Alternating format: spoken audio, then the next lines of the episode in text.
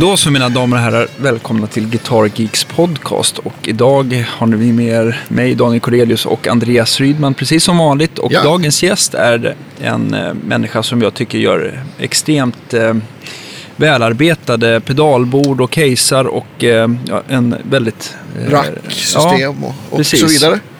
Eh, jag blir alltid väldigt imponerad av hans byggen i alla fall. Välkommen hit Erik Stenemo. Tack så mycket. Vad glad jag blir när du säger så mycket fina saker. Ja, men eh, jag får ju bra betalt också. Ja, jag kan, tänka- kan tänka mig det. Nej då, men det, jag tycker verkligen att det är verkligen så här spitsenklass. Jag, jag har sett några av dina byggen och det är verkligen tjusigt alltså. Mm. Hur kommer det sig? Är du perfektionist? Så är det nog. Ja. Det är svårt att, att lämna någonting som inte känns eh, riktigt bra. ja. Har det alltid varit så eller har du liksom kommit fram till att det måste vara så? Nej, det har nog alltid varit så mer eller mindre. Ja. Och det där kan ju vara ganska jobbigt ibland såklart också. Ja. Det blir ju en liten eh, sjukdom också. Att allt ska vara så jäkla bra hela tiden. ja, eller hur? Men det, ja, Ja. det är så. Hur, hur är...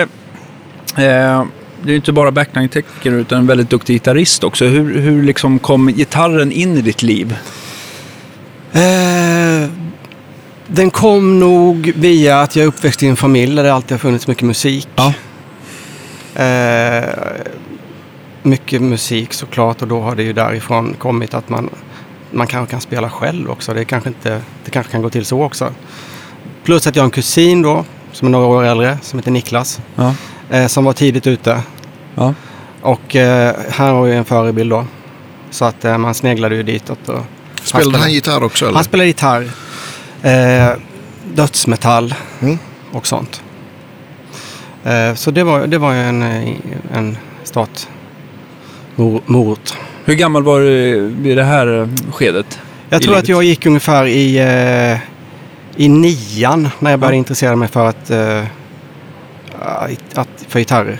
Så här 14, 15? Ja, så att jag vet inte, det är kanske sent eller tidigt. Ja, Ja, det var samma för mig. Det var, det då, var liksom, det var då man såg Slash på tv och tänkte så där vill jag ha det. Ja. lite så. Och så Ja. blev det ju verkligen. Alla, nej, Permanentade håret också. Nej, det Nej. inte. Nej. Nej, men det fanns ett ja. musikrum och sådär då, vid, den, vid den perioden i skolan. Ja. Och där fanns det gitarrer och där fanns det några och någon som kunde spela trummor och någon som kunde liksom. Mm. Så det började, det började där. Åttan, nian typ. Var låg skolan någonstans? Eh, I Växjö. Ja. Hette Bergundaskolan. Ja. Eh, lite utanför stan. Är inte, är inte Växjö lite känt för sitt musikliv? Eller är det bara Jo. jag som har fått... Eller jag, Nej, men så, så kan nog folk uppfatta det. Ja. Eh, nej, men det, det har väl varit bra. Och eh, inte alltid bra, men bra perioder kan ju komma. Okej. Att det liksom är en sån här tioårsperiod där det liksom verkligen finns massa spelställen och blommor och sen, sen så kanske de människorna flyttar vidare. Då kanske det blir en liten Dipp, dipp och sen liksom, så hittar nya folk och starta upp och sådär. Mm. Men jag lyckades väl hamna i en sån eh, bra period då. Ja. Eh, på 90-talet Ja. och framåt där. Flyttade från Växjö 90... Nej, runt 2000 ungefär. Okej. Ja. Men, var, men eh, började du spela band och sånt där tidigt då? Ja, det var, det var väldigt tidigt att, eh, att, att det var det som gällde.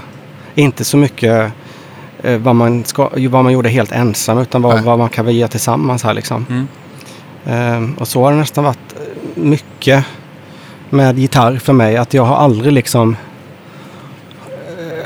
övat i hela mitt liv på en gitarr. Eller liksom verkligen, utan det har alltid varit liksom tillsammans övar vi. Och liksom Mm. tillsammans och repar vi tillsammans. Aldrig varit en sån instrumentalist på något sätt. Men känner du att du har haft lätt att liksom förstå och liksom lära dig saker? Att det har gått... Att det, B- Ja, nej, både och alltså. ja, Ja, nej, man är men ganska hård mot ja. sig själv så vi antar Ja. att det är väldigt bra då med andra ord. Ja. Det går ganska segt. Nu kan vi väl tillägga då att jag spelar ju knappt inte gitarr längre. Det har jag ju lite tappat. Men, Så är jag tänk, men jag tänkte också när man ser sådana här eh, trevliga gitarrister som du jobbar bakom som till exempel John Norum och eh, Robert Östlund så, Ja. så, så kanske man också tappar sugen på att vilja spela något mer i sitt liv, tänker jag. Mm. Ja. De som är Nej. så ofantligt Nej, men bra. i så fall får jag nog säga Ja. att det har blivit kanske tvärtom i så fall. Okej, okej. De För att jag, ja. Att jag liksom, vi höll ju på mycket då jag spelade ju mycket på heltid i kanske 15 år, liksom livnade Mm. mig på det. Sen så kom vi till en, en eh, gräns där det inte var kul längre. Och då får man ju se sig om efter något. Då slutade jag liksom spela. Sen får man se sig om efter lite annat och då gled jag ju väldigt snabbt in på den här backline-grejen. Det Och blev liksom så- ett naturligt bara... Ja. Och satt ihop med, med ditt prylintresse då och Ja, sådär. men och, det var väl lite så också att eh, det musikaliska intresset gick liksom ner sakta hela tiden och prylintresset gick, eller liksom tekniken och liksom Ja. allting runt omkring liksom gick upp hela tiden. Så i slutet så fanns det ju kanske inte någon, eh, att det var kul att spela längre utan då var det ju bara nu jäklar ska vi bygga. så jag kommer ihåg första gången jag eh, såg ditt namn. Det var på något sånt här härligt gear-forum då du hade dina fantastiska Skydstrup... Eh, Mm. ja. Ja, just det, det såg jag rack- också. Rack- jag, rigg, liksom. det där, den där killen, han har Sveriges dyraste backline. Eller? Ja, nej men den, det, det var ju verkligen... Eh, eh, ett episkt rack. Eh, ja, det, finns Det var verkligen kan slutet hitta kan man väl säga. Utav att man, nej vad ska man säga, det, eh, det var jättekul. Kommer Robban gående? Ja, Hej, hej! Hej, hej. Hejsan, hejsan! hejsan. hejsan. Är det bra? Ja, det är mycket bra. Vi har precis kommit igång här så vi ska se hur det urartar. Jo, men... men eh, ja, men du, får, du får berätta för folk som, som inte kan din historia. Liksom. Du, men vad, vad du spelade med och vad du gjorde liksom, då du var aktiv som musiker. Om vi. Precis. Vi hade ett band som hette Melody Club. Mm. Som vi började med någon gång för länge sedan. Och sen så höll vi väl på fram till kanske 2014 eller Ja. något Ja. sånt där. Nästan Kanske tio sista år. giget var. Ja. Ja, Mm. Absolut. Eller räknar jag helt galet? Ja.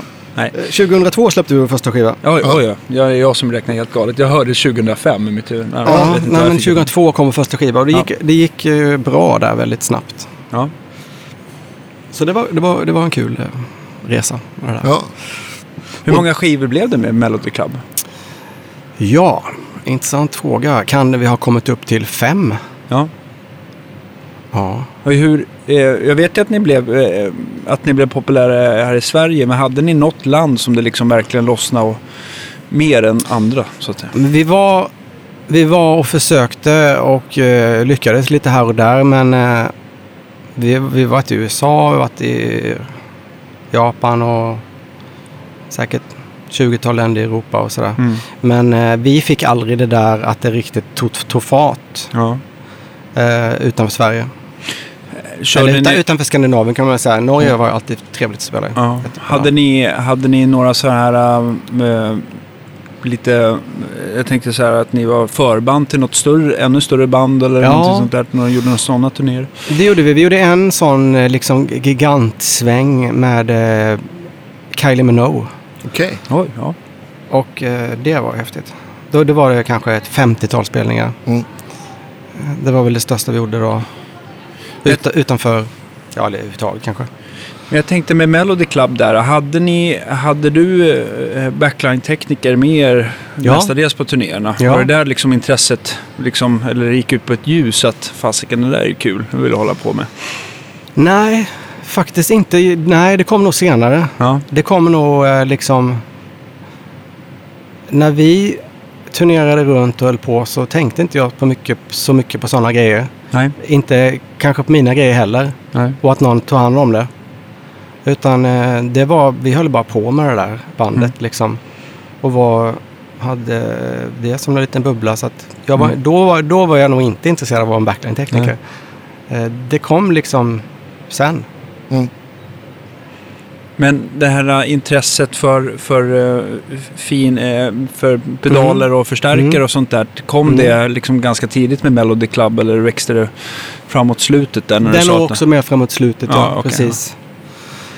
Eh, alltså det har väl alltid varit intresserad av vad man har för grejer såklart. Och fina gitarrer och liksom ha... Att eh, det ska låta bra och sådär. Mm. Eh, men eh, det blev väl mer och mer Ja, insnöning på det där. Hade, hade du någon, den första så här, äh, gitarrförebilden, hade du någon, ähm, någon Mm. husgud hemma som du, som, som äh, du lyssnade extra mycket på? Eller hade du någon sån här gitarrhjälteperiod?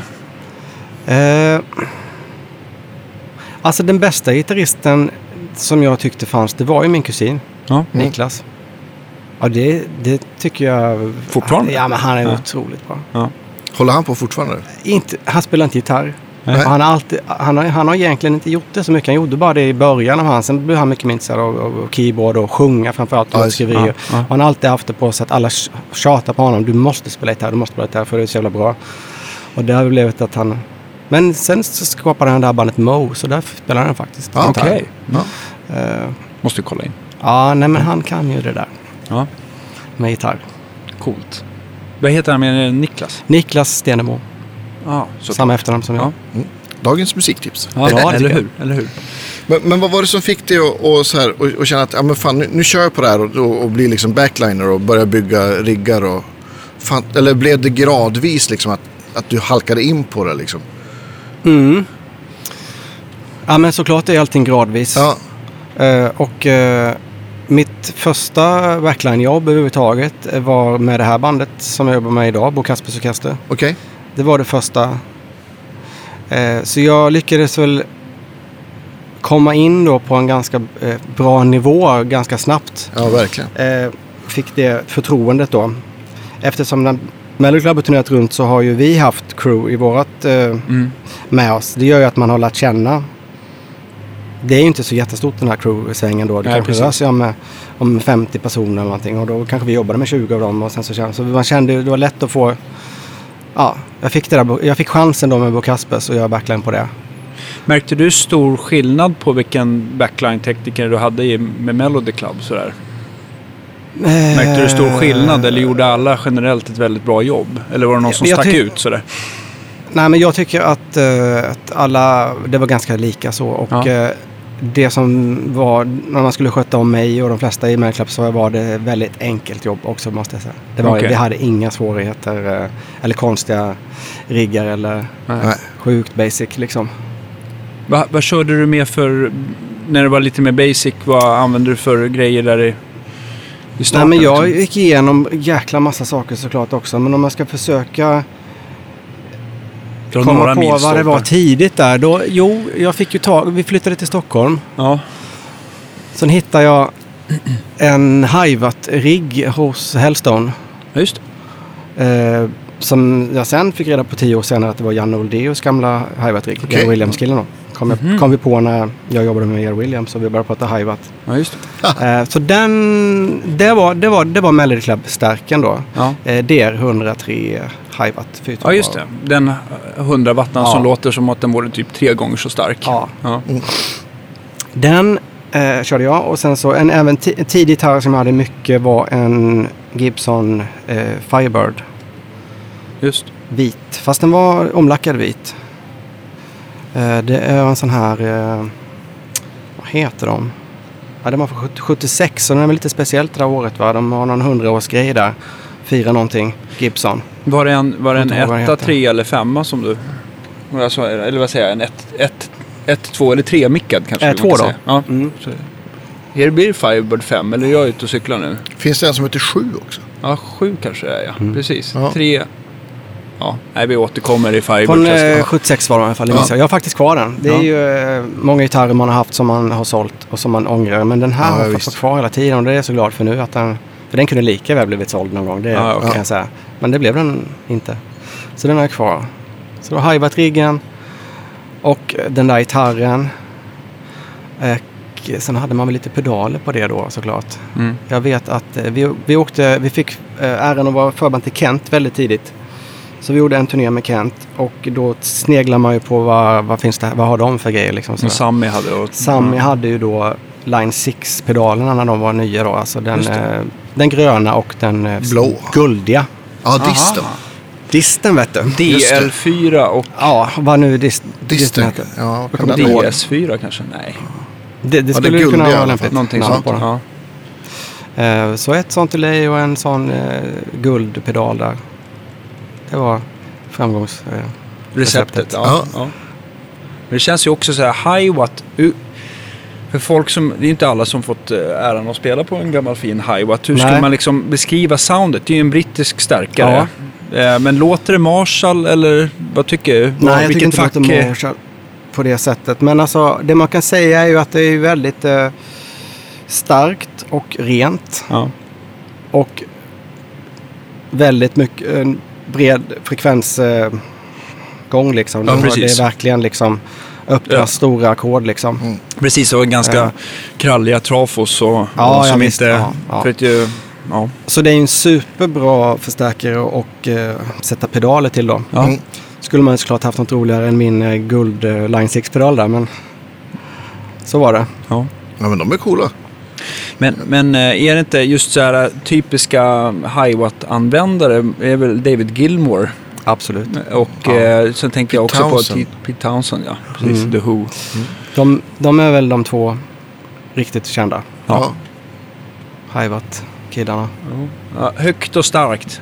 Jag hade, eh, ägde en kort stund en, en 200 wattare. Den spelade väldigt starkt. Ja, Men det. det var rätt kul för Ja. det var ju den första liksom eh, toppen av lådan då. Ja. Men det där byggde jag vidare på. Så Okej. det slutade ju med sex Hiwatt-lådor. Yeah! Och 200 wattstoppar och ett slave, en slave-del då som har liksom samma liksom topp fast det är bara slutsteget då. Ja, just det. Så när man var färdig med det där så var det ju, då, då såg det inte klokt ut. Men hur tänkte, hur, hur tänkte du då? Att det inte var starkt nog med en uh, Hiwatt-topp? Nej, men More det is var ju- more bara. Ja, det var. Jag Det måste inte ju ihåg varit hur jag kopplade men ja, förhoppningsvis var det nog, jag tror inte det där slave-steget användes. Det var nog bara för att fylla upp på en tredje plats Okej, där okej. uppe. Ja, just Ja. det. Just det. Med någon krullkabel som gick så instopp, eller kanske bara tejpa någonstans så den skulle hänga lite snyggt. Ja. Eh, Men jag tror fan jag spelade i stereo med de där 200 watts eh, topparna ändå. Du hörde dig själv i alla fall? Ja, ja. Ja. men det hördes. och sen, ja gud ja. Så gick man ju därifrån med något annat sen. ja. Två superreverb hade jag ett tag. ja. Eh, som är stereorigg. Gamla Marshall-toppar och ja, gud vet allt. Men eh, jag tänker också på Hiwatten. När man tittar i gamla Hiwatt så är det ju väldigt snyggt och prydligt även där. De är byggda som tanks också. Ja, ja. ja. men det är ju det är verkligen ja. superbra förstärkare. Jag, jag håller på att försöka... Eh, jag sålde ju den såklart, Ja. den där riggen. ja. Eh, det var nog i samband med att man skulle betala den här Skydstrup-räkningen där Ja, tror jag. Den, så den gick ganska sent den eh, stärken. Men det är ju sån där, det skulle man aldrig gjort. För det är skitsvårt att hitta Hiwatt-grejer. ja. Ja. Nej, jag, jag lovar, eh, ser jag någonting så ringer jag dig först. Ja. enkelt. Nej, men jag skulle gärna vilja ha en igen. ja. En 100 wattare eller? Ja, men jag tror det. Det är lika bra Vi efterlyser här på podden att, Precis. att Ja. alla 100 watts Ja, har man någon så kan man ju... Ja. Men det finns väl 50 och 200 också? Eller är jag... Det stämmer. Ja. Det finns 50 och så finns det en 200 som är... Det är väl deras sådär liksom Marshall Major. Ja, Precis. Eh, kanske mer bas. Eh, ja precis. Men den skulle ju vara häftig. Björn Juhl har en sån va? Har en 200 watt den? Ja, han har 200 watt. Precis. Det är min gamla. Och den Ja, det spelade det. väldigt Ja, starkt. jag misstänkte det. Du, har, du har haft en sån? Ja. Ja. Shit. Men så, så vet jag att Björn också har någon 100 watt. Nu avslöjar. Nu kommer du... Ja. Ja, nej men jag, jag, jag, jag, vet, jag, jag vet redan att han har en faktiskt. Ja. Ja. Nej, men han gillar, han älskar Hiwatt soundet vet jag sådär. Mm. Men det är ju... Då ska ju helst vara Fein-elementen och hela, Ja. hela vägen liksom. Just Ja. det. Fane är också så här ett, ett, ett, eh, tillsammans med Celestion ett klassiskt brittiskt Mm. högtalarmärke. Men de har Väldigt. fallit lite i skuggan för Celestion Ja, tycker jag. Men de gör ju fantastiska grejer också. Mm. Ja, men Celestin har ju blivit det mega stora liksom Ja. som är Mm. förknippat med rock, rock elgitarr. Ja. Precis. Så är det. Går det att säga någonting så här generellt om Fane-elementen? Eller Ja. har de den här typiskt brittiska Celestion-skolan också? Jag vill nästan minnas att de nästan är lite cleanare än vad Celestion. Att Celestion allt har lite så här, Ja, det låter rock'n'roll och lite Ja. skitigt på något sätt. Det är nog lite mer EV-känsla på dem. Ja, eh, precis. Det är lite Eh, mer fast överdimensionerat. inte ska så hålla. Cleant Inte- som EV kanske, Nej. men åt det hållet då Ja. ifrån en greenback. Får man Just säga. Eh, Men det finns fortfarande Fane-element att köpa nya för de som det är är så, intresserade. okej. Ja, jag Ja. tror det. Ja. Ja. Still going strong, precis som Hiwatt. Ja. Eh, Hiwatt nu för tiden är väl ett litet eh, missbrukat märke. Jag tror att de har, det finns liksom, gamla Hiwatt finns inte på det sättet liksom. Utan Nej, det är ju okej. Music Round där i England som köpte det namnet. Så och satte på massa, Kina. ja, precis, Och sen så billiga. drog det liksom i botten. Mm. Ja. Så vill man ha Hiwatt så finns det ju de här eh, High Tone eller Reeves. Just det, är, Reeves är ju... okej. som är två alternativ som Mm. kanske det är det man ska titta på om man inte ska ha en gammal Hiwatt. Mm. Okej. Eh, Reeves är ju sonen till Dave Reeve, Dave heter han väl? Ena hi-hat-killen. Eh, Det är hans son där inkopplade där. Så att Okej. det där är lite halv eh, officiellt. Men, Mm. Ja. Tack- eh, men vi jag har aldrig provat Jag har sett några klipp med, vad heter han, Tim Pierce tror jag. Honom som Reeves. Mm. Han har väl hur mycket starkare som helst. Men... Och de görs i England eh, såklart, eller? Jag tror att eh, båda de där är nog eh, Amer- Amer- USA. Ja. Okej. Mm. Hightone och Reeves. Jag tänkte, alltså det måste ju ha, din rigg måste ju ha vuxit liksom. Från den guldfärgade till den gröna till ett Mm. skyddsrupprack. Mm. Hit, blev det liksom att pedalbordet till slut blev så stort att du kände att äh, men nu blir det rack eller? Nej. Det var alltså steget från mitt pedalbord till det där racket. Det var nog ganska stort. Ah, okej. Alltså jag hade... Jag fick någon idé att nu jäklar ska jag bygga någonting. Ja, all in. All in ja, precis. Ja, Eh, så jag hade väl såklart haft lite Bradshaw-grejer och sådär. Lite switching-system och börjat lite i rack. Så tänkte jag, skulle sätta ihop någonting riktigt liksom. Så jag sålde, sålde jättemycket saker då. Sålde Hivat-riggen kanske och någon Ja. gammal Telecaster och fick ihop en del pengar som jag Ja. investerade, om man nu ska kalla det det, ja. i den här eh, gigantiska Ja, alltså det, det springer iväg och, och, och du som även bygger rack själv Ja. förstår väl kanske Ja. mer än väl att det kan springa iväg. Mm. För det tar rätt många timmar att göra det snyggt och, och, Ja, men jag kommer ihåg när jag... gediget. Det, det var ju en ganska lång process där. Och så jag var ju hos Sten i Danmark eh, lite fram och tillbaka. Och så det var ju i efterhand då extremt lärorikt också. Mm.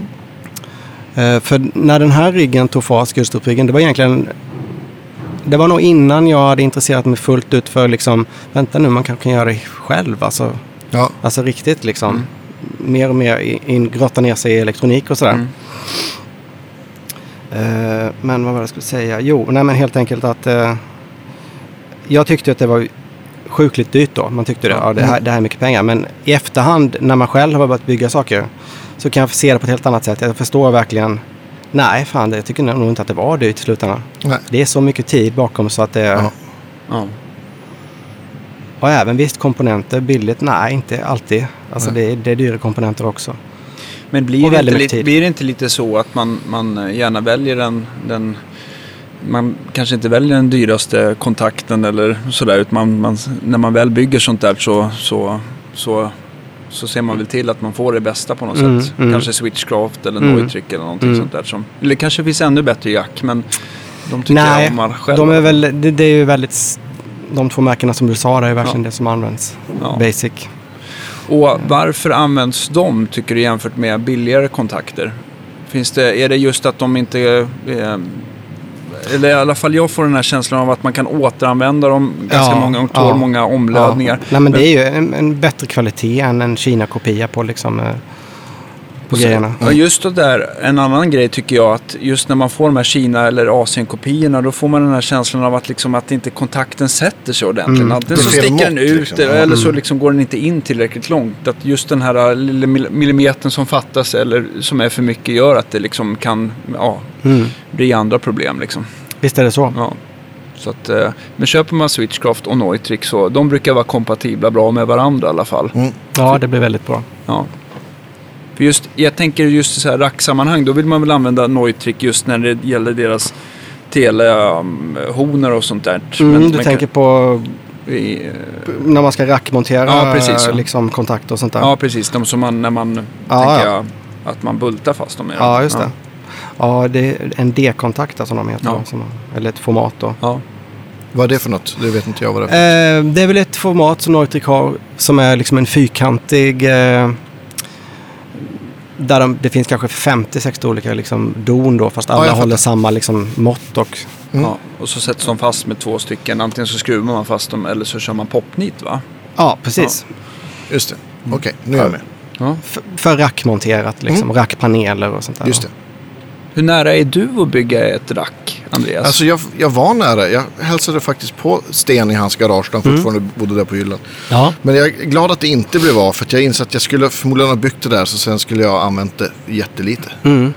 Det eh, det var nog inte pengarna som, som gjorde att jag backade. Det var nog snarare att jag insåg att äh, men jag kommer nog förmodligen inte använda det här så mycket som jag tror. Nej. För det, Oftast är det ju och jag så tyckte då så att ja, men det skulle bli litet men det var ju ändå så här 8-10 enheter och det skulle ju väga. Man skulle ju förmodligen inte orka lyfta in det i bilen själv. Och, Mm. Du som är så stark. ja. Nej, sen dröjde det ganska många år innan det blev ett jättepedalbord istället. Men, ja. Ja. Mm. Som jag inte heller vill bära själv. Så är det. ja, så här. Ja. Eh, vad går vi vidare? Eh, men i alla fall. Eh, eh, hur kom det sig? Eh, är det inte så, om, nej, du får rätta mig om jag har fel, men av de här gamla, man kan väl säga att Pete Cornish i England och eh, Bradshaw i USA Mm. var väl de två första som började Ja. förfina det här med rackbyggen och sånt där. Och, och Sk- Skrydstrup som jag antar eh, Mm. är vår danska motsvarighet. När satte han igång? För han var väl ändå... Ja, Sten, ja. Sten har nog ändå byggt i ja, nästan 20 år tror jag. Mm. Eh, men de andra herrarna som du nämnde där ja. går ju bakåt. Way back. Ja, det är nästan ja, Cornish är 70-talet. ju, ja det är ju väl, De första borden Cornish gjorde, kan det vara början på 70-talet då? ja, Ja. Gilmore och, eller, Och, och Bradshaw är väl eh, ja.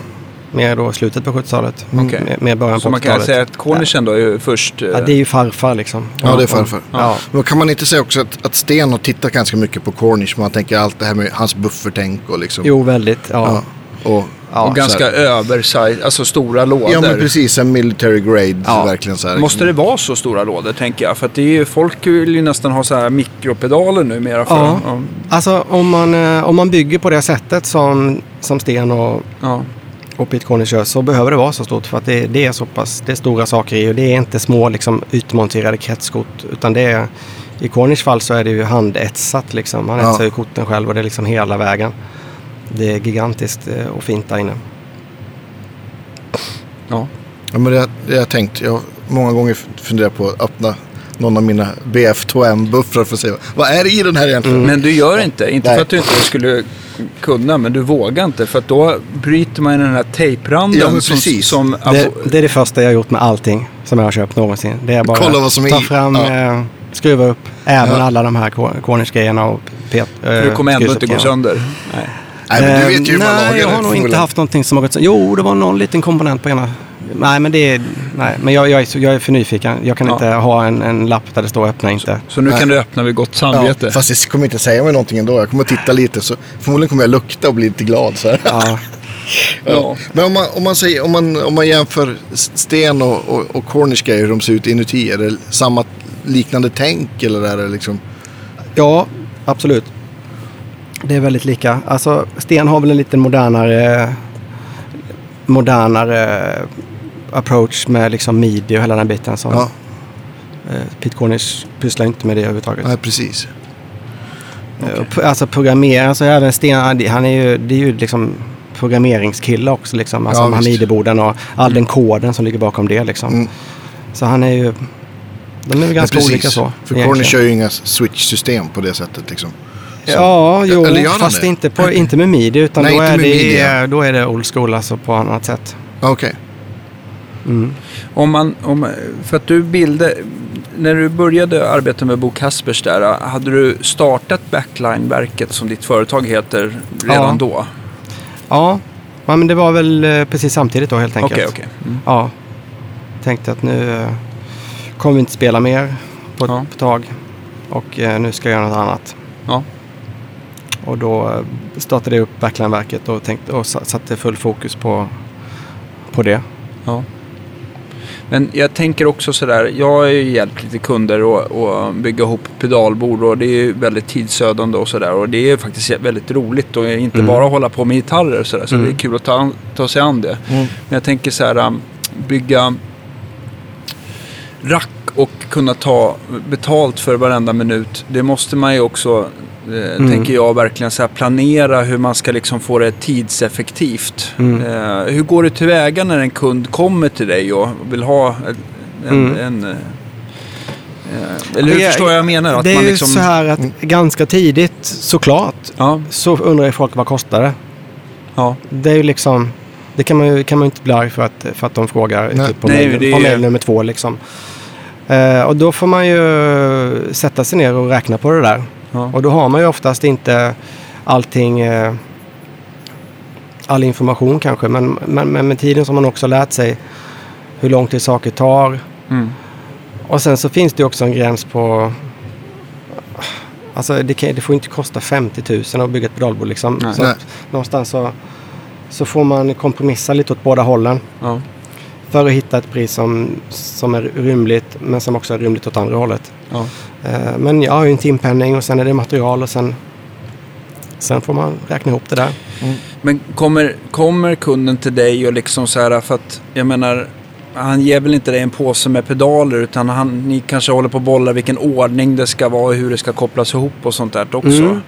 Är det någonting folk generellt har eller missuppfattat som du alltid måste ändra på så här med ordning eller att... eh, Men om man säger så att folk som har liksom sökt sig till mig då Ja, är ju kanske ofta, de är väl ofta ganska medvetna redan då. Ja. Om de har kommit så långt. Ja, visst. Eh, vilket gör att eh, de har ganska bra idéer oftast. Och ganska... ja, men de vet oftast vad de, vad de vill ha och ungefär liksom. Mm. Sen så eh, kan man ju eh, diskutera och, och jag kan komma med förslag på kanske ändringar Mm. och så. Men eh, oftast så det är inte så att liksom jag får en påse pedaler och sen säger de här, gör precis vad du vill. Liksom. Vi kan sätta koruset först och vi kan sätta wowan sist. Nej, men du vet.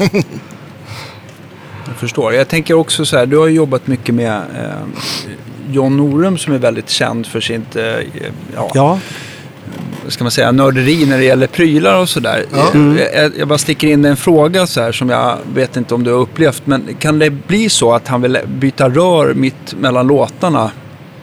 så kan det vara. Så kan det vara. Ja, ja. Det är underbart. Det är inget, I love konstigt, it. det är inget konstigt Det gig. är inget konstigt. Nej. Nej.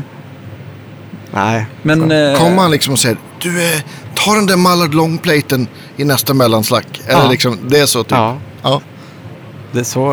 Nej, men det kan vara någon passage i någon låt liksom. ja. men tänker du så här, uh, wow, vilken skillnad det blev? Eller känns det som att det bara, att det, att det, det är väldigt svaga nyanser i Det är ju skillnad? ganska subtilt eh, såklart. Men, eh, men visst, visst finns det en skillnad. Eh, Ja. Så är det ju. Men eh, sen då hur pass, eh, om man säger så här, det är ju ingen i publiken som märkte när vi bytte rör. Det kan jag ju säga.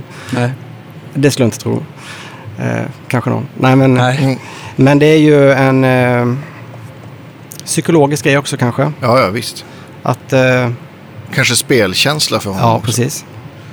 Ja. Nej, men det... Ja, det är, un- Det är mycket underbart. med det. Man blir ju så Mm. glad och, och känner att man själv inte är så extrem när det kommer. Eh, Mm. Ja, det kanske kommer att Ja. man själv börjar byta rör.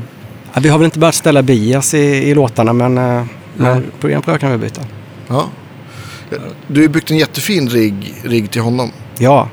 Ja, Kan vi prata lite om den? Jag är Ja. lite, lite nyfiken. ja, ja men den, den tycker jag är kul. Ja. För, för hur länge har du jobbat med, med John och, och, och Europe? Sådär? Eh, Ja, vad kan det vara då? Men jag är alltid så dålig på, på, på tid, men eh, kan det ha gått fyra, fem år då? Ja. Något sånt. Första eh, jag hoppade på, till, på en Japan-turné. Som var det första vi vi gjorde. Eller första jag gjorde det. Så det var också kul. Har, by, byggde, du, byggde du hans rigg inför den turnén eller hoppade du in med den befintliga backlinen som fanns då? Jag, nej, men jag hoppade ju in med, med, med det befintliga. Ja. Varenda liten sak, varenda Ja. liten sladd. Det var Ja. ju liksom sen tidigare. Ja, Och eh, jag hade inga, inga idéer på att jag skulle ändra någonting då. Nej, eller nej. på den eller första man gör liksom. Hej, Nej, jag nej, tycker vi ska. Utan det var bara, det här använder vi för det här är det du har. Ja. Eh, men ganska snabbt så kanske man såg att här, här, kan, här finns det ju möjlighet att, att styra upp någonting. ja. Mm. Och eh, får man ta det lite försiktigt. ja. Men, eh, Men, men hjärtat i hans rigg är väl, är det en eller två JCM 800 Ja, det är 2203 eller? eh, 2205. 05 ja, Är förlåt. det, det är 100 wattan då va? Om det- 22, eh, 2210 va, 100 wattan. Ah, så han gillar 50 wattare fast det är två kanaler? Ja, precis. Okej. Mm. Då, då blir det en sån där eh, tvåkanals eh, 50 watt ICM 800 2205. Har inte han någon sån som också, eh, han som han har hållit eh, hårt i länge av de här eh, Mm. stärkarna som har tillhört typ eh, Michael Schenker Mm. eller någonting sånt där? Nej, men det är ju den som vi kallar för Schenketoppen. Aha. Okej. Ja. Eh, eller 87an. Ja. Ja. Eh, den är ju Schenkers gamla. Eh, som han eh, lyckades få tag på och köpa den utav Schenkers gitarrtekniker. Som sen har väl försökt att köpa tillbaks den väldigt länge. Ja. Men, men då har ju den varit försvunnen så det har inte gått att köpa tillbaka den. ja, jag förstår. Eh, ja men det, det är ju verkligen hans baby, den där. Okej, men det utgår i alla fall från de två stycken. Är det bara att den ena är i reserv eller behövs det liksom bägge? Vi, vi, ja, vi spelar bara på en, en förstärkare i, i taget Ja, och eh, då växlar vi. Vi har gått igenom lite allt möjligt. Inte, va? Jag hade, tog dit en, eh, en eh, Friedman-moddad liten 50 wattare också som vi provade ett tag som han gillade jättemycket. Och sen har vi haft lite svarta Silver Jubilees. Och, Mm. men någonstans så blev det hela tiden oftast tillbaks till Schenketoppen. ja. Mm. Och så finns det en 100 wattare också från Ja. 88. Två, ja, ja, men det finns lite allt möjligt. Men Men är det inte sådär mycket, jag tänker också sådär, ibland så, så kan det ju vara någon pedal eller stärkare som man liksom, man ledsnar på dem efter ett tag men man hittar tillbaka till dem på grund av att man är så van vid dem. Det, kan du Mm. uppleva samma sak? Att det är mycket just att det känns på ett visst, mer visst sätt än att det låter på ett visst sätt med just den här känketoppen? Eller är det, tycker du själv att den den är... låter Den, bäst? får den går ju igenom lite olika saker den där Schenketoppen också Ja. när vi är ute på turné. Att, eh, det kan vara ganska eh, brutala... Eller ibland är det väldigt, väldigt, väldigt lite som ska ändras och ibland är det jättemycket. Okej. Så det är lite tvärkast ibland. Men då, det är ju EQ-inställningar och eh, preamp-rör. Ja, även slutstegsrör också såklart med Ja. toppen. Det är duttande. Eh, så att ofta låter den bra men i något gig kan, kan man ju skruva bort sig också. Vad, vad, vad har du med dig för rör? Har han liksom, kommer han med en låda rör så här? De, Mm. Eh, men vi har väl med oss ett, ett 50-tal ja. rör kanske. Eh, jag får väl... Jag har väl varit lite uppviglare också kanske till att jag har tagit dit väldigt mycket saker. Så att jag får väl skylla mig lite i mig själv då att vi sitter för att... För, ja. Nej men han, det är kul alltså när det kommer in med nya saker. Jag hade Du kommer ju, med godispåsen till Ja en men jag hade ju en ganska brutal preamp-rörsamling då. Ja. Okej. Så det är klart att man tar med sig, haft tagit med sig den in då liksom. Så att då var det, han hade vi kanske inga Mullers i preamp-sektionen innan då. Mm. Men det kom... Ja, nej men det, det är gammalt och nytt. Mm. Det kan vara rör som är helt nya och det kan vara rör som är 60 år gamla. Ja. Eh, vad är, eh, tycker du, när man, när man eh, byter rör i den här eh, känketoppen att, eh, att de gamla rören alltid låter bättre än de nya? Eller, me- Du menar att- att- Jag menar liksom om det är liksom just den här Mullard som, som låter överlägset bäst jämfört med Sylvania eller RCA Mm. eller kanske någon ny Ja. eller gammalt rör. Är, är det, Nej, det är inte alltid att ett gammalt rör låter bäst. nej, Nej. Men det blir en kombination av alltihopa också. okej. Och eh, som sagt, det byts rör så mycket i den förstärkaren så att det är svårt att säga exakt när, när det är som bäst och när det är som Ja, ja. liksom. Men jag kan tänka mig också att det vissa rör kanske låter otroligt bra men så kommer mikrofoni i, i bilden. Att de blir- Gud ja. Ja. ja. Det är mycket Det- fina grejer som har gått sönder. ja. Ja. Eh, tyvärr alltså. Det har vi haft. Det är svårt att... Och eh, de är ömtåliga liksom. Men just när det gäller slutstegsrör, är det lika känsligt där för hur toppen låter? Eller tycker du mesta av soundet sitter just i preamp-rören? Vi jobbar ju med, med preamp-rören ungefär 80 procent i varje fall. Ja. Eh, det har väl också lite att göra med att det är så enkelt att göra det. ja. Mm. Eh, Exakt. Så att det blir väl också att det har blivit så pass stort bland folk liksom. Ja, Om det nu har det, jag vet inte. Kanske bara i min lilla bubbla. Men alltså, att, för där kan man ju, man behöver inte ha någon eh, så mycket respekt där. Utan det är bara, om du har rätt rörtyp så kan du bara kasta in och ut dem och byta plats och hålla på hur du vill. Ja. Ska du in i slutsteget så är det ju mycket större eh, process med, med bias i kanske Precis. 90 av alla stärkare. Just det. Och då, Och det är inte lika lätt att eh, mäta biasen heller om man inte har någon Nej. fram med mätinstrument. Och, Ja, och kunna lite matte och veta vad man gör. ja, Om vi går vidare då. Du sa att, att båda, han har två toppar inkopplade som du, du kan switcha mellan. Hur- Nej, Eller- ja, jo, Eller vad- alltså, hur är upplägget? Jo, ja, det har vi också haft. Vi har haft en amp switcher och, eh, och switchat mellan två toppar till en centerlåda då. Mm. Eh, Men, eh, men inte nu, utan det har vi väl också bantat ner lite. Så den riggen vi har nu är inte så.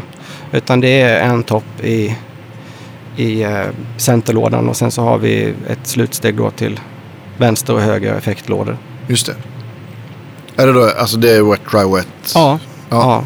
ja. 100 procent åt alla hållen. Ja, vad kör han för, eller vad, vad, vad sitter i effektracket då? Ja, eh, det är inte så jättemycket saker. Allting är väldigt eh, liksom basic elgitarr. Ja, Eh, men om man tar i fronten då, alltså innan, innan förstärkarens Mm. input och i centerlådan så ligger du en oktavpedal, Foxrocks Octron. ja. Och det ligger en eh, Face 90 MXR Script Gammal logo. eller? Nej, Eller? nej, det är en sån här... Eh, vad Custom heter shop. den? Ja, precis. Eh, utan LED och DC-jack. Mhm. Eller den varianten jag har satt hit till DC-jack, men Mm. det är den. Eh, vad har vi mer då? Wowa kanske? Ja, wow, ja, såklart. Custom Audio Electronics. Men Wowa. den driver, jag såg någonting eh, speciellt. Den drivs med, med batteri va? Mm. Ja, hur kom det sig att det blev det istället för strömförsörjning? Han, har, han har alltid haft, haft batteri till wow-pedalen. Okej. Så det var liksom, och det var ingenting som jag ville ändra på överhuvudtaget. Nej. Så att eh, så har det alltid varit. Och så, så är det också. Ja, men det är många som föredrar det. Det Ja. vet ni också. Det ja Är det, kommit mer och mer. Ja, Alltså, det har du. Batteri är väl också lite grann att, att man får ner, eh, eh, om man bortser från soundmässigt, att, Mm. eh, att det kan bli mindre brus, eller brum och störningsproblem. Eh, problem, va? Mm. Ja. Är, är det huvudsaken det eller är det just att ett, ett litet eh, tröttare batteri färgar ljudet på ett gott sätt? ja. Nej, men det är ju en, sound, en soundgrej för honom. Ja, okej. Eh, och sen så när, när jag har byggt de här grejerna också så är det lite skönt att slippa dra fram ström i fronten då liksom på Ja. Eh, så det är väl också ett plus. Gör han, Om- switchar han av och på de här grejerna själv med någon switcher eller? Det Ja. som ligger före? Ja, vi Ja. har en, en RJM. Eh, den med tio eh, knappar. Den minsta då Mm. i den serien. Det står lite still i min skalle nu. Jag kommer inte ihåg vad den har för modellbeteckning. Vi får forska. Ja. forska. Mm. Ja men precis, den har vi där framme. Man kan säga att det är som en liten looper helt enkelt. Att man kopplar in effekterna i, i en effekt för varje knapp då. ja, enkelt. fast det är ju det vi har där fram då är ju bara själva styrbordet då. Så att det är ju Aha, ett, en, en midi-kontroller helt Ja, ja, enkelt. okej. Ja, Eh.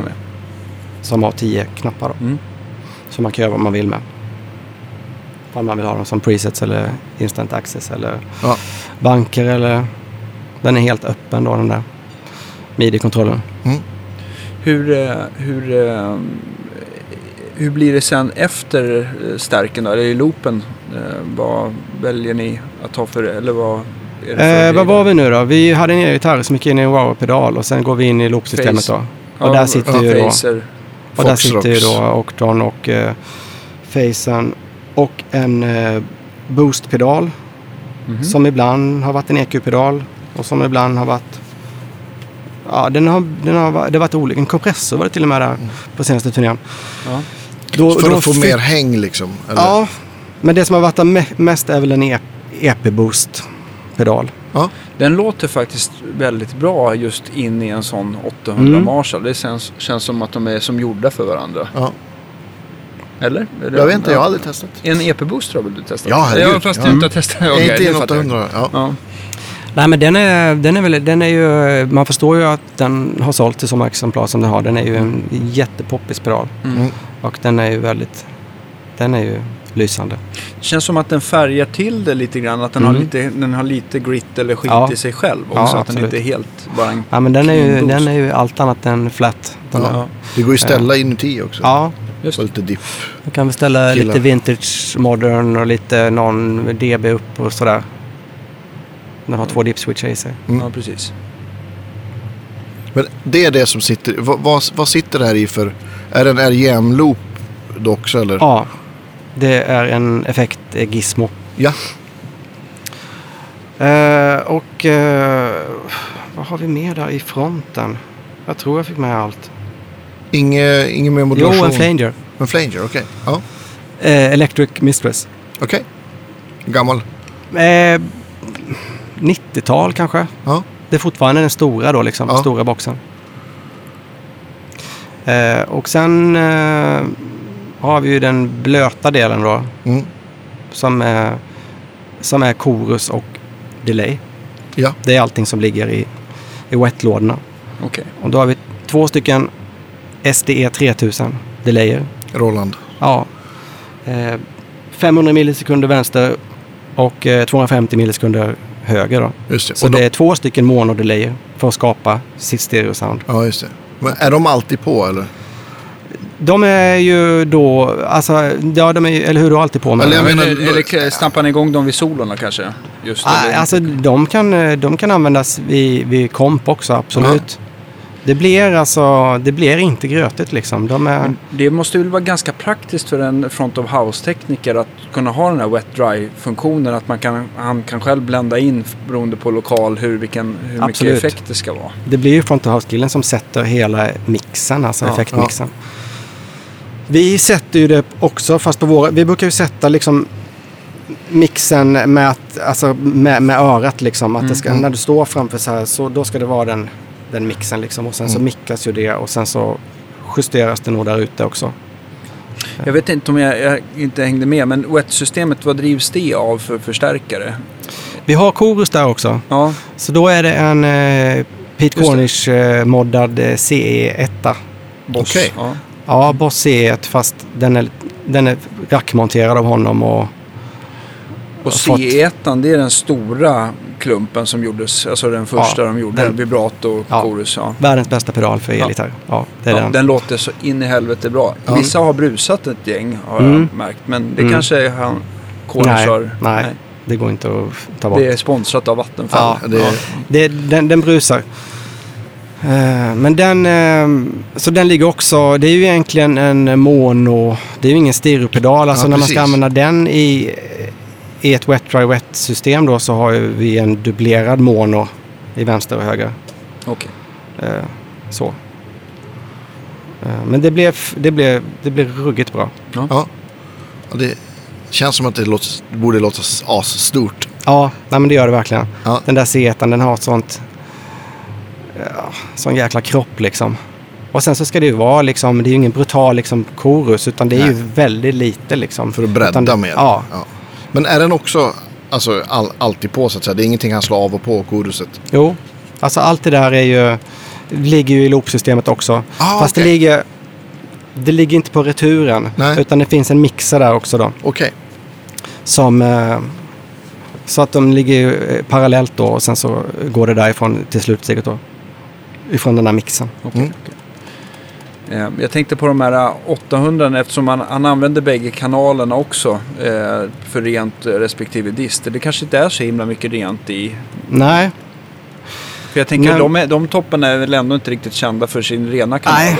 men så är det ju. Det är ju, det är ju en, en riktigt dålig ren kanal, så Ja. är det ju. Mm. Eller det är väl ingen ren kanal. Jag tror inte de tycker det själva heller. Den kallas nog... Alltså det är väl så... Kallas liksom distkanalen för boost och den andra typ inte för någonting. Jag vet inte vad. Ja. Men ja. Nej men det är väl tyvärr. Det, det, det är, men det funkar liksom eh, i hans system med, med den kanalen. Mm. Ändå på något sätt. Vad, vad har ni för... Jag kommer ihåg, jag såg... Du la upp någon bild, kommer jag ihåg. Eh, ni kör, om jag inte minns fel, så är de höga Marshall-lådorna va? Mm. Är de som heter TV eller? Nej, Nej. vad heter de? Nej, tv är väl en... eh, är väl inte fullt så. Tv är väl bara någon eh, lite högre och sen en vinklad liksom. Mm. Det här är ju de gamla Henrikslådorna då. Ja, det är de ja. Just det. Ja. Alltså jag kommer inte ihåg vad de kallades för men det är väl... Eh, Jag tror att de- 1960 fast det är någon annan beteckning Jag tror va? att de heter 1982. Aha. Eh, Ja. BJH kan det vara. Men Det de, är, inte så himla, det är inte så himla självklara beteckningar på Marshall. I alla fall Nej. har inte jag eh, listat ut det kryptiska språket. Men eh, kanske finns någon röd tråd. Nej, men de om man, vi kallar dem Hendrix-lådorna liksom. ja.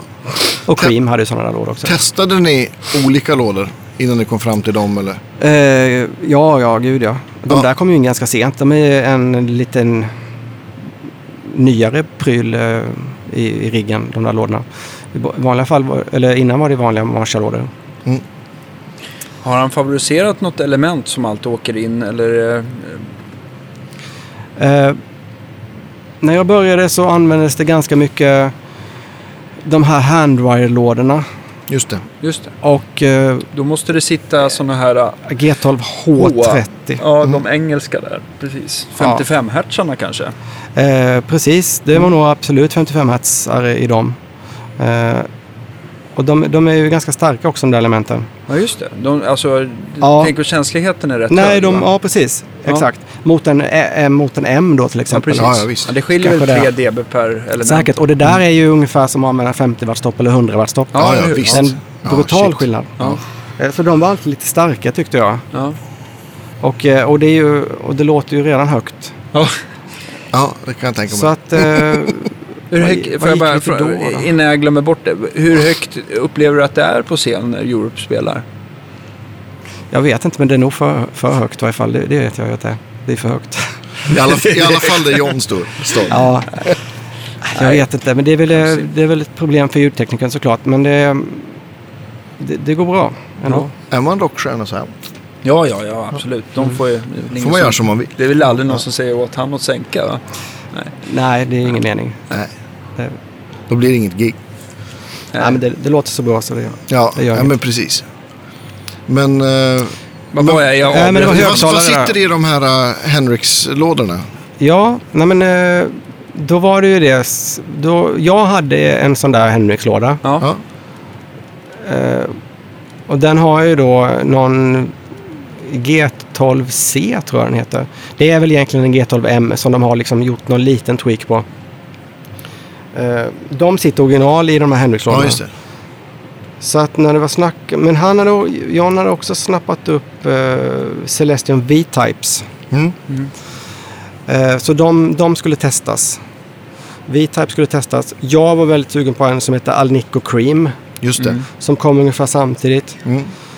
Eh, så då blev det väl en liten sån test där. Och eh, då blev det V-Types. Som blev de nya högtalarna då. Så vi köpte ju de här Henrikslådorna tomma då. Just det. Okej, okej. Från Marshall och sen så V-Types från Celestion. Och så Det, det är ju ett element som jag aldrig hört i en, fyr, i en 412. Va? Nej, Men däremot så är det, som entolv har jag hört dem ganska Mm. mycket. Jag upplever dem som att jämfört med greenbacken att de är lite brightare. Men det är... Men, Jag har bara hört om en 412. ja. Så att, eh, Har du någon uppfattning där om skillnaden? Bara, om du ska att beskriva de skulle dem vara brightare jämfört med en, med en M Ja, typ. Ja. Nej. Nej, det tror jag inte. Men eh, de, de funkade jävligt bra ihop med Ja. JCM Det är konstigt det 800. där för att, alltså, för att en, en högtalare som kan låta asbra i en 412 sätter man den i en 112 så kan det bara låta fjutt och inget bra alls. Ja, det, men så Och- är det ju verkligen med de här uh, greenback, greenback G12M, men 20 watt. Ja, Ja, det är ett är- ypperligt exempel på det tycker jag. låter Att helt, de inte funkar som en en. Nej, de låter helt katastrof. Men Låter i en, fantastiskt i en en, i en 412, tycker jag. 412 så är de... Fantastiska Ja. tycker jag. Ja. Ja, jag, jag har faktiskt aldrig hört om en entalare. Jag har en gammal pinstripe-låda från med 420 watt i. Ja. Den är, ju- låter ju väldigt bra. Schysst. Mm. Och det kan vara väldigt trevligt om man har en lite för stark 100-wattare till exempel. Ja. Är Mm. någon, de, för de har ju lite lägre känslighet då. Så att det inte Precis. blir så här bisarrt eh, högt. Mm. ja, de är väl sen 96 tror jag. Ja, precis. Ja. Ja, 96 är det Och då pratar vi alltså vad eh, högtalaren dB. har, alltså hur högt den spelar en watt, en meter. Just det. Vid en kilohertz tror jag. Mm, jag, kan- Man jag vet brukar inte. mäta. Mm. Ja. Bra att du förklarar här. Det ja, men jag hade försöker vara pedagogisk. Det är bra Dan. Ja, ja. Nej, men det är någonting man kan titta på den där spetsen faktiskt ändå Ja. när man köper högtalare. För att eh, som sagt då G12H då som är det över 100. Mm. Och det, då blir det hörs. Däremot Ja. tycker jag, det om, för er som eh, har provat mycket element och tittat på mycket högtalarspesar så Eminence har ju många element som faktiskt levererar ännu mer, typ 102 och 103 decibel. Mm. Men när man ställer dem mot Celestion så upplever man inte alls den skillnaden som man gör mellan olika Celestion-element. Ah, va? Så Private Jack man ska... och Red Fang och de där då? Ja, de, den. de, de ska ju spela starkare. Ja. Men man upplever det inte så när man ställer dem bredvid sig. Så att de kanske mäter på olika sätt eller har lite glädjesiffror. Eller, Ja. Ja. Ja. Det känns lite grann så här som Celestion överlag. Om de säger att elementet är en 30-wattare så klarar det ju oftast mer. Ja. ja. Men, eh, Nej, men man, eh, man safear väl upp lite i Ja. spetsen kanske. Mm. Men det var, det var de V-Type-elementen V-Type som, blev, som vann. V-Type blev det. Och det ja. sitter även i, i liksom wet-lådorna då eller? Ja, eh, precis. Så det blir fyra sådana i varje låda. Ja, och vad driver wet-lådorna för något? Eh, först så hade vi gamla HH-steg. Eh, för det körde Jan. Jag ville behålla så mycket liksom från hans gamla tid som möjligt. Och han hade alltid HH-steg innan. Mm. Och jag råkade ha två HH-steg i min lokal. Så då, är det inte de som är så här klassiska Van Halen-steg? Det är det precis. Som alla skulle ha. ja, visst är det så. Nu hajar Robban till här. Du- Ja, Eh, prata om min dans. ja det också. Det har vi varit inne på redan. Jag frågar en sak när Ja. jag är här och stör. Ja. Ja. Eh, Kommer ni vilja ha någonting, göra någonting där? Av, Ja. Ja, det vore väl Ja, kul? absolut. absolut. Ja, det, är klart. så Är du här och har göra. tid? Ja, annars tänkte jag pipa iväg nu en sväng, men då, då väntar jag kvar i så fall. men då kanske vi är redo inom en tio kanske, eller? Ja, jag vet inte. Vad, Vad det nu skulle vara. jag vet inte vad klockan är. Vad har vi för... N- när, när ska ni göra saker? eh, på halv, scen. halv nio. Okej, ja, men då är vi ju Då ganska... har vi hyfsat. Ja. Men, eh, men eh, om en kvart eller något Ja. sånt där eller? ja, Absolut. då går vi igenom. Skitkul. Mycket bra. Då kan jag vara jättenervös en kvart. Nej. Vilken bonus här. Ja, Ja, HH-steg. HH-steg. Ja, men Ja. precis. Ja, men exakt. Det, det är ikoniska gamla slutsteget. Ja. ja. Eh, jag, Och det- hade, jag hade HH-steg i min skur, i det där Skurstrup-monstret liksom. Ja. Så det körde vi först. Och sen så blev det väl någon liten motreaktion på att fan, för det första jag, den första ringen jag byggde till John var väldigt stor Mm. såklart. Och då blev det ju, vi bygger något mindre. Och då kanske vi ska, inte ska ha HH-stegen längre. Och det är många då som har som har Många kör vidare på sina HH-steg men det man går till om man inte ska ha HH då, ett lite nyare märke som heter Matrix. Just det. Ja. Eh, som har väl tagit eh, HHs plats då om man ska ha något som låter likadant men som är mindre. Och, nyare. Lättare. Ja. Så då eh, ringde vi Matrix och så fick vi ett jättefint steg av dem. Och man vill inte driva de här wet-lådorna med något till rörsteg från Marshall eller Mesa eller någonting sånt där. Det är inte... Nej, Nej. man behöver liksom ingen ytterligare färgning på ljudet där liksom. Nej. Utan det är Nej. redan det är ett, ett färdigt ljud som Ja. du bara vill eh, Förstärka. eh, förstärka liksom. Så att det är väl, eh, det är väl, ska vara så flatt som möjligt. Jag, jag blev lite nyfiken. Eh, Skrydstrup-stärkare pratar vi lite, Mm. eller touchar vi vid här. Mm. Hur, vilken skola är de i? Jag har ju hört dem eh, hemma hos Micke Nord, men det är Mm. eh, inte alla som har fått eh, chansen att spela på dem. Mm. Hur ska, då, han gjorde väl ändå en som hette SD1 har jag för mig och någon Ja. som hette OD1. Jag tror att de heter SD50 och OD50. Så Mm, har du just det. Ja. Och eh, nu är ju det här några år sedan jag hade dem där. Men den SDn har jag för mig har mer gain va? Ja, och det var nog den som var en EL34. Okej, så den är mer brittisk eh, då som man... Och den eller- andra var en 6L6. Men Ja. ja. jag kommer inte riktigt ihåg. Jag är ingen jätteexpert på de där stackarna. Även att jag hade dem under ett tag. Lät de bra tyckte du? Ja, absolut. Ja. Ja, gud ja. Nej, men det var eh, det som Det som jag minns och där så, det som ju gjorde att eh, jag kanske sålde dem också var ju för att det lät ju för bra såklart.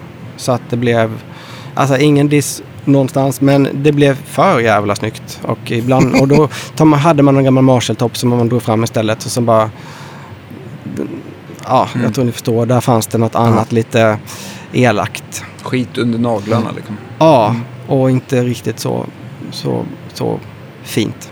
Mm. Jag hade Mm. några till frågor kring, kring Johns rigg där. Ja. Eh, vad mickar ni med? Eh, SM57 på, på sidorna Mm. och SM57 i mitten. Och sen så är det en... Eh, Alltså så, så typ, eller? Ja, Eller tänker du på wet? Nej, utan jag tänker Ja. på mickarna. Om det är det två mickar då? det, det är en SM57 på vänster effektlåda, en SM57 på höger effektlåda, Okej, en SM57 ja. i mitten. Och sen så är det en, eh, en annan mick i mitten som jag faktiskt inte kommer ihåg vilken det är. Alltså på clean? Ja. Alltså, ja. Eller dry? Eh, Men då Någon- har de Ron, eh, ljudtekniker och, och John eh, håller på lite med dem Ja, där det. och väljer och trixar. Försöker hålla mig borta då. Ja. Kanske någon eh, Eh, Beijer Dynamic är det Ja, ju och Okej. jag kommer inte ihåg M. Eh, 160 kanske? nej, Nej? utan det är nog den som är lite större. Eh, 160 är väl den lilla pingisbollen va? Ja, precis. nej, den har ju varit framme och vänt också. Ja, Men den då, är den jättefin. åker, ja, men den åker tillbaka. För så kommer den här större fram. Och jag kommer inte ihåg vilken beteckning den Nej, har. inte jag heller. Är nog storebrorsan till den. Mm. Ja, just det. Till pingisbollen. De går som bumeranger där fram och tillbaka. från Nej, men ping, pingisbollen var framme bara på senaste turnén igen. Okej, ja. Ja. För då tror jag Jan var... Steve Moore, vi var på turné med Deep Purple och Steve Morse hade sådana. Ja, just Och det. då föddes den idé att ja, just det. ah, det måste vi prova igen. Ja, Och så provade vi det i en soundcheck och då var det ganska uppenbart att det var, de var inte lika bra som den som Nej. ljudtekniker Ronny hade valt en gång i ja. tiden. Rompa. Ja. Vad heter det? Men, och, och John kör wedge, han kör inte in ear. Nej, inga in-ear. Är det någon i bandet som kör in ens? Alla, utom Asså. jag. Jaha. Ja. Ja, vi har ju pratat Så att om det, in det, är därför, det är därför han får spela så starkt han vill. För att de andra har gömt sig. Ja. ja, lite så kan det vara. Jag förstår. Mm. Det, ehm, berätta, vilka, eh, förutom eh, Robert och eh, som snart ska få spela för oss och eh, John, vilka mera större riggar har du fått äran att byggt? Jag har byggt till lite alla möjliga svenska musiker och Sebastian har band. Och. Ja. Sebastian Nylund som är en god vän Ja, har jag byggt mycket till. Och Backyard Babies-killarna. Nicke och Dregen och... Ja, nej, men det är alla möjliga. Det är många som hör av sig också som kanske inte är så kända. ja. Ja, men du gör också, också. mycket alltså, mindre dalbordslösningar också. Mm. Jag såg Bjurhälls nya fina bord. Det Ja. blev jättesnyggt. Ja. Ja, men det blev ju bra. Ja. Det blev ju det blev ju skitbra. Det var kul när han kom tycker jag. Mm. Han var rolig att jobba med. Ja.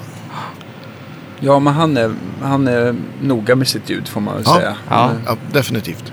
Bra öra. Mm. Vad... ehm, eh, ja, Det, det tycker jag, var- jo men det tänkte jag, det tycker jag är kul. För där, vi pratade om det här med batteri förut. För Lasse har ju en sån batteribox till, ja, men till Mm. någon Fuss och någon Kott 50. Och precis som, Mm. jag vet att både Mike Landa och Josh Smith har. Mm. Och liksom, hur, hur kom ni fram till att det skulle vara, bli en sån lösning? Eh, men han, eh, han ville köra de två pedalerna på... Jag tror att Kott 50 hade nog, den har nog, all, den har nog alltid kört på batteri. Okej? Eh, för den, eh, ja, den hade ju inte ens ett DC-jack eller någonting. Nej. Så den har alltid drivits på batteri och då är det bara att fortsätta med det. Mm. Och eh, den andra fuskpedalen hade nog växlat lite mellan var i någon SAG-funktion på en Woodlab-ström och Mm. batteri. Men då sa jag väl, då, vi kör väl batteri på båda två då liksom. Och eh, då kommer nästa steg att eh, jag tycker det är knäppt och alltså jag vill att det ska vara så pass enkelt som möjligt och till exempel byta batteri då. Det Ja, blir det inte om man ska ta fram en skruvmejsel och knäcka upp all dual och dra ut alla sladdar och Nej. liksom. Nej. Och även liksom hålla på att dra ut inputen för att inte batteriet ska eh, dras ut då liksom. Ja, och på, det kan ju vara på pedaler som är ganska gömda liksom mot något. Så, att, så jag tyckte vi skulle bygga batteribox. Jag har by- byggt ett par sådana boxar. Men kan, har man någon enkel funktion så att man kan, eh, man, man kan stänga av eh, batteriet Ja. så att det inte laddar ur? För det är Exakt. det som, Ja, är nej, men då bygger jag en liten switch där så att man kan eh, Ja. man slår av batteriet. som, Nej. som folk gärna glömmer kanske? Eller? Nej? Jag vet inte. Mm, Det får man hoppas att de inte gör. Jaha. Men då är det ju väldigt enkelt att kasta in två nya batterier. Ja. Eller ett. Ja. Mm. Ja, men jag tycker det, jag Fiffigt. tycker det är kul att köra pedaler på batteri. Eh, när, eh, när jag ändå eh, fick höra det här med strömförsörjning och driva pedalbord med. Mm. Finns det... Är de flesta lika bra eller finns det de som sticker ut, tycker du? Är det modeller eller är det företag som du tycker är mera Det finns ju pålitliga.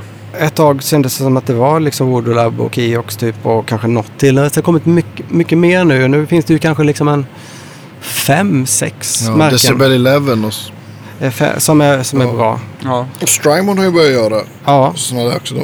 de har jag inte provat. Inte jag heller. Men, jo, men jag har provat dem. ut. Ja. Eh, Jag har inga problem med dem alls. Utan det, de var eh, de var lättjobbade. Det är väl en switchat, eh, switchad ström så att de har väl... Alla Sina- kanske inte gillar det men... Nej, men switchad ström kan tillföra lite brum och sus och dus ibland. Ja, men jag tyckte Strymon, de är ju duktiga Ja, på sin engineering där så att jag tyckte de de har filtrerat de var bra. Ja. Eh, men är det något eh, märke som du tycker sticker ut som alltid? Det, som jag, det som jag har använt absolut mest och det som är liksom Woodlab Ja. tycker jag är jättebra. De har väl haft lite så här, eh, just när det gäller milliampere-styrkan, det vill Mm. säga om de ska driva lite tyngre effekter som Ja. till Eventide H9 så har de väl inte alla Nej, modeller har, klarat det? nej, va? precis. man får- Nu, då, det, men nu har de ju kommit med ett par olika där som har Ja, lite, mer. Mm. lite mer kraft. Eh, sen har jag använt eh, en hel del också ett polskt märke som heter G-Lab. Mm. Ja, just som det. eh, Dave Friedman använder mycket i USA till Van Halen-borden, Pete Thorne-borden och den Ja, dök upp mycket liksom. Ja. Så tänkte jag, men det där måste ju vara bra. Och de har, de har Ja. hållit för trycket? Ja, så de, de sådana köpte nog typ 10 stycken eller någonting. Så Ja. de har po- portionerat ut på lite bord också. Ehm, De är mer, de har liksom en maxgräns på 2 ampere då, hela Allting klossen. Då. Ja. Eh, vilket gör att det inte är sådär, det här uttaget kan du ha för 100, det här uttaget kan du ha 400. Utan det gör att du kan driva väldigt mycket Tunga stö- större grejer, saker liksom. också. Ja, just det. Ja. Okej. Ja, just det. Så det är liksom ett, ett sammantaget på... Ja, jag tror att det är ett, eh, 1000 milliampere per... s- Fyra stycken har 1000 och de andra fyra Men, är, 1000. men de är fortfarande isolerade för varandra? Men, eh, Ja, ja. ja. Allt är, allt är filtrerat och eh, isolerat från varandra. Ja. Ja. Det är bara hur mycket milliampere du kan dra ur dem. Och då ska man ju komma ihåg att när det är, kanske inte eh, spelar någon roll alls, det är ju typ när folk använder ehm, eh, batteridrivna pedaler. De drar ju sällan Mm. mycket. Jag Nej. kan tänka mig att en overdrive, det är väl sällan de drar över en 10 milliampere. Det vill säga att det är väldigt lite på en ampere. då. 10 milliampere, ja, absolut. Jag tror många utav eh, Björns eh, BF-pedaler nog, ligger nog runt 10 där. Ja, Mm. precis. Och eh, man kan väl säga ju högre milliampere desto snabbare drar de ut batteriet. Exakt, Ja. ja. ja, Så många så här, äh, ekon och reverb och sånt där kräver oftast lite mer även om de Mm. kan drivas Tidsbaserade grejer, Ja. helt enkelt. Mm. Eh, men, eh, eh, men jag tänkte de som alltid kräver mycket det är väl typ de här äh, digitala effekterna som typ Ja. eh, dina fina Line 6-pedaler Ja, som du just det. nämnde förut. Ja. Eller, eller uh, Eventide eller Strymon. Där ska du nog ha Line 6-burkarna var nog 250 milliampere eller sånt där. Ja. Ja, nej men Ja. Finns, nu för tiden finns det ju lösningar på allt. Är det nå- men det är inget märke du varnar för i alla fall. Vi kanske inte ska smutskasta. Nej, det är Nej, jag taskigt. skulle nog inte säga... ja, Alltså, Jo, det är bra. vi måste ju vara snälla. Det, vi hjälper ju folk. Ja. Ja, nej. eh, men eh, jag är ju kanske inte jättefan utav liksom eh, Kiox-kablarna då liksom. Just det, de har ju har- RCA-kontakt i ena Ja, änden och Om eh, då vanliga. skulle säga något dåligt om någon. Så, men det är bara en smaksak. Men Ja. de tycker jag är... Men, men det är säkert jättefina... Säkert jättefin strömförsörjning annars. Men Ja, det är ingen, ingen favoritkabel att jobba med. nej, det kan Eller jag faktiskt. kopplingen. eh, Men sen så kan det väl vara en ytterligare en eh, grej som i och för sig jag aldrig råkat utlösa själv. Men, men eh, jag vet att vissa sådana här strömförsörjningar, de har en säkring. Så även om en uttag eller pedal, alltså det blir kortis där, så slår den ut allt. Och det Mm. kan vara en glassäkring. Jag vet att Voodoo Lab, de kör väl liksom automatsäkringar så det räcker med att man bara rycker ut den kabeln så, så um, Mm. fortsätter den väl att, Mm. jobba så att säga. Mm. Ja, Lite precis. tips i alla fall. Ja. Ja. Nej men Woodlab, absolut. Ja.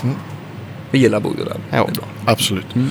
Vad heter det? Ska vi ta en liten paus så tänkte vi vi ska filma och kanske fota lite grann på din fina arbetsstation här så får du berätta lite grann om dina rigg-rackar här. Ja, Och ska jag vara lite- första mickhållare då? Och, ja, vi löser det. Ja, vi löser. Och Ja. lite gitarrer och grejer. Och, Och så ska vi kanske hämta som, Robert. så, Ja. ska vi hämta Robban här också. Det är Ja. roligt. Vad heter det? Hur länge kör ni vidare här på Cirkus då? Är det Eh, vi började ju med det här i, i augusti förra året. Eh, då i gick- Göteborg va? Då gick vi in i någons repmode. Sen så var det premiär där under hösten. Så vi har Ja. ju hållit på länge då. Och nu är det ju bara nästa vecka, ja, två helger kvar. Ja. Så vi är på slutet Ja. Av en lång resa. ja. Vad händer framöver då? Är det... Vi ska åka till eh, Australien med Europe Åh, vad kul. i, i maj. Ja. Indonesien, lite sånt där. Och sen är det lite sommargig. Mm. Sen är det mm, en stor Europaturné med Europe i höst då. ja. Men eh, man kan säga att eh, det hinns inte med så mycket mer än Bo Kaspers och Europe för tillfället. Och Ja, det är köra de där back- pedal- det är ju de där pedalborden som ska byggas också hela tiden. Och sen är det en familj hemma också som vill Ja. ha lite tid. Men eh, jag gör det vad jag kan. Ja, man får klona sig själv. Jajamän. Ja. Ja, Stort tack, eh, tack för, för nu. Så, så får ni helt enkelt titta på, på YouTube för att se fortsättningen av denna veckas avsnitt helt Ja. enkelt. Ja. Så säger vi. Tack så hemskt mycket. Tack så mycket. Tack, tack.